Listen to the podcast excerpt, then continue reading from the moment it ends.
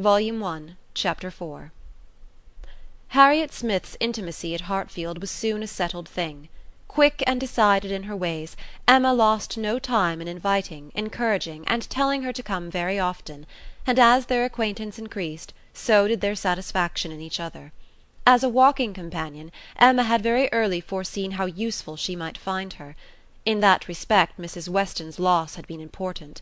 Her father never went beyond the shrubbery, where two divisions of the ground sufficed him for his long walk or his short, as the year varied and since Mrs. Weston's marriage her exercise had been too much confined. She had ventured once alone to Randalls, but it was not pleasant, and a Harriet Smith therefore, one whom she could summon at any time to a walk, would be a valuable addition to her privileges. But in every respect, as she saw more of her, she approved her, and was confirmed in all her kind designs. Harriet certainly was not clever but she had a sweet, docile, grateful disposition, was totally free from conceit, and only desiring to be guided by any one she looked up to. Her early attachment to herself was very amiable, and her inclination for good company, and power of appreciating what was elegant and clever, showed that there was no want of taste, though strengthening of understanding must not be expected. Altogether she was quite convinced of Harriet Smith's being exactly the young friend she wanted, exactly the something which her home required. Such a friend as Mrs. Weston was out of the question; two such could never be granted. Two such she did not want. It was quite a different sort of thing, a sentiment distinct and independent. Mrs. Weston was the object of a regard which had its basis in gratitude and esteem. Harriet would be loved as one to whom she could be useful. For Mrs. Weston there was nothing to be done; for Harriet everything. Her first attempts at usefulness were in an endeavour to find out who were the parents, but Harriet could not tell. She was ready to tell everything in her power, but on this subject questions were vain. Emma was obliged to fancy what she liked, but she could never believe that in the same situation she should not have discovered the truth. Harriet had no penetration. She had been satisfied to hear and believe just what Mrs. Goddard chose to tell her, and looked no farther. Mrs. Goddard, and the teachers, and the girls and the affairs of the school in general, formed naturally a great part of the conversation, and but for her acquaintance with the Martins of Abbey Mill Farm it must have been the whole. But the Martins occupied her thoughts a good deal; she had spent two very happy months with them, and now loved to talk of the pleasures of her visit, and describe the many comforts and wonders of the place. Emma encouraged her talkativeness, amused by such a picture of another set of beings, and enjoying the youthful simplicity which could speak with so much exultation of Mrs. Martin's having "two parlours, two very good parlours indeed; one of them is quite as large as Mrs. Goddard's drawing room and of her having an upper maid who had lived five and twenty years with her, and of their having eight cows, two of them Alderneys, and one a little Welch cow, a very pretty little Welch cow indeed, and of Mrs. Martin's saying, as she was so fond of it, it should be called her cow, and of their having a very handsome summer house in their garden, where some day next year they were all to drink tea, a very handsome summer house, large enough to hold a dozen people. For some time she was amused, without thinking beyond the immediate cause; but as she came to understand the family better, other feelings arose. She had taken up a wrong idea, fancying it was a mother and daughter, a son and son's wife, who all lived together; but when it appeared that the Mr. Martin, who bore a part in the narrative, and was always mentioned with an approbation for his great good nature in doing something or other, was a single man, that there was no young Mrs. Martin, no wife in the case she did suspect danger to her poor little friend from all this hospitality and kindness, and that, if she were not taken care of, she might be required to sink herself for ever. With this inspiriting notion, her questions increased in number and meaning, and she particularly led Harriet to talk more of Mr. Martin, and there was evidently no dislike to it. Harriet was very ready to speak of the share he had had in their moonlight walks and merry evening games, and dwelt a good deal upon his being so very good humoured and obliging. He had gone three miles round one day in order to bring her some walnuts, because she had said how fond she was of them; and in everything else he was so very obliging. He had his shepherd's son to the parlour one night on purpose to sing to her. She was very fond of singing. He could sing a little himself. She believed he was very clever and understood everything. He had a very fine flock, and while she was with them he had been bid more for his wool than anybody in the country. She believed everybody spoke well of him. His mother and sisters were very fond of him. Mrs. Martin had told her one day, and there was a blush as she said it, that it was impossible for anybody to be a better son, and therefore she was sure, whenever he married, he would make a good husband. Not that she wanted him to marry; she was in no hurry at all. "Well done, Mrs. Martin," thought Emma. "You know what you are about." And when she had come away, Mrs. Martin was so very kind as to send Mrs. Goddard a beautiful goose, the finest goose Mrs. Goddard had ever seen. Mrs. Goddard had dressed it on a Sunday, and asked all the three teachers, Miss Nash and Miss Prince and Miss Richardson, to sup with her. Mr. Martin, I suppose, is not a man of information beyond the line of his own business. He does not read? Oh, yes! That is, no. I do not know, but I believe he has read a good deal, but not what you would think anything of. He reads the agricultural reports and some other books that lay in one of the window seats, but he reads all them to himself. But sometimes of an evening before we went to cards, he would read something aloud of the elegant extracts, very entertaining, and I know he has read the Vicar of Wakefield. He never read the Romance of the Forest, nor the Children of the Abbey. He has never heard of such books before I mentioned them, but he is determined to get them now as soon as ever he can. The next question was, "What sort of looking man is Mr. Martin?" "Oh, not handsome, not at all handsome. I thought him very plain at first, but I do not think him so plain now. One does not, you know, after a time. But did you never see him? He is in Highbury every now and then, and he is sure to ride through every week in his way to Kingston. He has passed you very often." "That may be, and I may have seen him fifty times, but without having any idea of his name.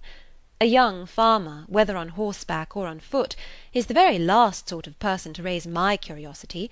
The yeomanry are precisely the order of people with whom I feel I can have nothing to do. A degree or two lower, and a creditable appearance might interest me. I might hope to be useful to their families in some way or other. But a farmer can need none of my help, and is therefore in one sense as much above my notice as in every other he is below it. Oh, to be sure! Oh, yes! It is not likely you should ever have observed him. But he knows you very well indeed; I mean by sight. I have no doubt of his being a very respectable young man. I know, indeed, that he is so, and as such wish him well. What do you imagine his age to be? He was four and twenty the eighth of last June, and my birthday is the twenty-third, just a fortnight and a day's difference, which is very odd. Only four and twenty? That is too young to settle. His mother is perfectly right not to be in a hurry. They seem very comfortable as they are, and if she were to take any pains to marry him, she would probably repent it. Six years hence, if he could meet with a good sort of young woman in the same rank as his own, with a little money, it might be very desirable." "Six years hence! Dear Miss Woodhouse, he would be thirty years old." "Well, and that is as early as most men can afford to marry who are not born to an independence. Mr. Martin, I imagine, has his fortune entirely to make, cannot be at all beforehand with the world. Whatever money he might come into when his father died, whatever his share of family property, it is, I dare say, all afloat, all employed in his stock and so forth, and though with diligence and good luck he may be rich in time, it is next to impossible that he should realize anything yet." "To be sure, so it is; but they live very comfortably. They have no indoors man, else they do not want for anything, and Mrs. Martin talks of taking a boy another year. I wish you may not get into a scrape, Harriet, whenever he does marry. I mean as to being acquainted with his wife; for though his sisters from a superior education are not to be altogether objected to, it does not follow that he might marry anybody at all fit for you to notice. The misfortune of your own birth ought to make you particularly careful as to your associates. There can be no doubt of your being a gentleman's daughter, and you must support your claim to that station by everything within your own power or there will be plenty of people who would take pleasure in degrading you." "Yes, to be sure, I suppose there are. But while I visit at Hartfield, and you are so kind to me, Miss Woodhouse, I am not afraid of what anybody can do." "You understand the force of influence pretty well, Harriet, but I would have you so firmly established in good society as to be independent even of Hartfield and Miss Woodhouse. I want to see you permanently well connected and to that end it will be advisable to have as few odd acquaintance as may be; and therefore I say if you should still be in this country when Mr. Martin marries, I wish you may not be drawn in by your intimacy with the sisters to be acquainted with the wife, who will probably be some mere farmer's daughter without education. To be sure. Yes. Not that I think Mr. Martin would ever marry anybody but what had had some education, and been very well brought up. However, I do not mean to set up my opinion against yours, and I am sure I shall not wish for the acquaintance of his wife. I shall always have a great regard for the Miss Martins, especially Elizabeth, and should be very sorry to give them up, for they are quite as well educated as me. But if he marries a very ignorant, vulgar woman, certainly I had better not visit her if I can help it. Emma watched her through the fluctuations of this speech, and saw no alarming symptoms of love. The young man had been the first admirer, but she trusted there was no other hold, and that there would be no serious difficulty on Harriet's side to oppose any friendly arrangement of her own. They met Mr. Martin the very next day as they were walking on the Donwell road. He was on foot, and after looking very respectfully at her, looked with most unfeigned satisfaction at her companion. Emma was not sorry to have such an opportunity of survey, and walking a few yards forward while they talked together, soon made her quick eye sufficiently acquainted with Mr. Robert Martin. His appearance was very neat, and he looked like a sensible young man; but his person had no other advantage, and when he came to be contrasted with gentlemen, she thought he must lose all the ground he had gained in Harriet's inclination. Harriet was not insensible of manner; she had voluntarily noticed her father's gentleness with admiration as well as wonder. Mr. Martin looked as if he did not know what manner was. They remained but a few minutes together, as Miss Woodhouse must not be kept waiting; and Harriet then came running to her with a smiling face and in a flutter of spirits, which Miss Woodhouse hoped very soon to compose. "Only think of our happening to meet him! How very odd! It was quite a chance, he said, that he had not gone round by Randalls. He did not think we ever walked this road. He thought we walked towards Randalls most days. He has not been able to get the romance of the forest yet. He was so busy the last time he was at Kingston that he quite forgot it, but he goes again to-morrow. So very odd we should happen to meet. Well, Miss Woodhouse, is he like what you expected? What do you think of him? Do you think him so very plain? He is very plain, undoubtedly, remarkably plain. But that is nothing compared with his entire want of gentility. I had no right to expect much, and I did not expect much; but I had no idea that he could be so very clownish, so totally without air. I had imagined him, I confess, a degree or two nearer gentility. To be sure, said Harriet in a mortified voice, he is not so genteel as real gentlemen. I think, Harriet, since your acquaintance with us you have been repeatedly in the company of some such very real gentlemen, that you must yourself be struck with the difference in Mr. Martin. At Hartfield you have had very good specimens of well educated, well bred men. I should be surprised if, after seeing them, you could be in company with Mr. Martin again without perceiving him to be a very inferior creature, and rather wondering at yourself for having ever thought him at all agreeable before. Do not you begin to feel that now? Were not you struck? I am sure you must have been struck by his awkward look and abrupt manner, and the uncouthness of a voice which I heard to be wholly unmodulated as I stood here. Certainly, he is not like Mr. Knightley. He has not such a fine air and way of walking as Mr. Knightley. I see the difference plain enough. But Mr. Knightley is so very fine a man. Mr. Knightley's air is so remarkably good, that it is not fair to compare Mr. Martin with him. You might not see one in a hundred with gentlemen so plainly written as in Mr. Knightley. But he is not the only gentleman you have been lately used to. What say you to Mr. Weston and Mr. Elton? Compare Mr. Martin with either of them. Compare their manner of carrying themselves, of walking, of speaking, of being silent. You must see the difference. Oh yes, there is a great difference. But Mr. Weston is almost an old man. Mr. Weston must be between forty and fifty. Which makes his good manners the more valuable. The older a person grows, Harriet, the more important it is that their manners should not be bad, the more glaring and disgusting any loudness or coarseness or awkwardness becomes. What is passable in youth is detestable in later age. Mr. Martin is now awkward and abrupt. What will he be at Mr. Weston's time of life? There is no saying, indeed, replied Harriet rather solemnly. But there may be pretty good guessing. He will be a completely gross, vulgar farmer, totally inattentive to appearances, and thinking of nothing but profit and loss. Will he, indeed? That will be very bad. How much his business engrosses him already is very plain from the circumstance of his forgetting to inquire for the book you recommended. He was a great deal too full of the market to think of anything else, which is just as it should be for a thriving man. What has he to do with books? And I have no doubt that he will thrive, and be a very rich man in time, and his being illiterate and coarse need not disturb us." "I wonder he did not remember the book," was all Harriet's answer, and spoken with a degree of grave displeasure which Emma thought might be safely left to itself. She therefore said no more for some time. Her next beginning was: "In one respect, perhaps, Mr. Elton's manners are superior to Mr. Knightley's or Mr. Weston's. They have more gentleness; they might be more safely held up as a pattern. There is an openness, a quickness, almost a bluntness in Mr. Weston, which everybody likes in him, because there is so much good humour with it; but that would not do to be copied.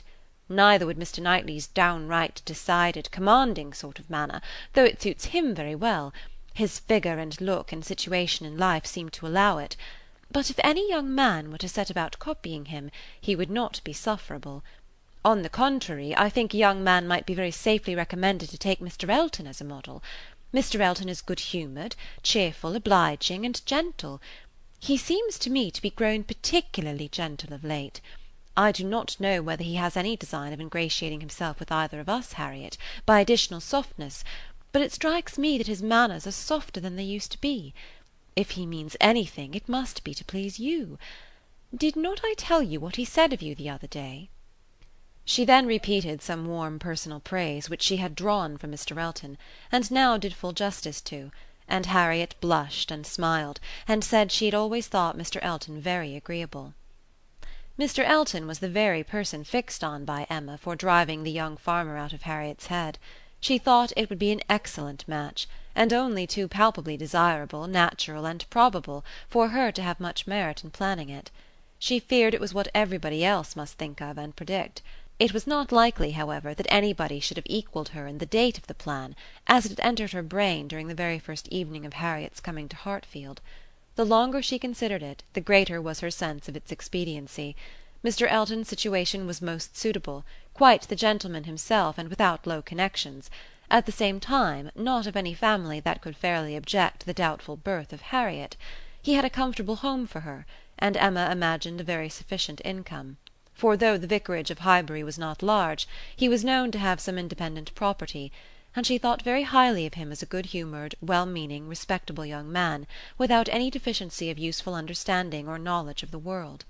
She had already satisfied herself that he thought Harriet a beautiful girl, which she trusted, with such frequent meetings at Hartfield, was foundation enough on his side; and on Harriet's there could be little doubt that the idea of being preferred by him would have all the usual weight and efficacy and he was really a very pleasing young man, a young man whom any woman not fastidious might like.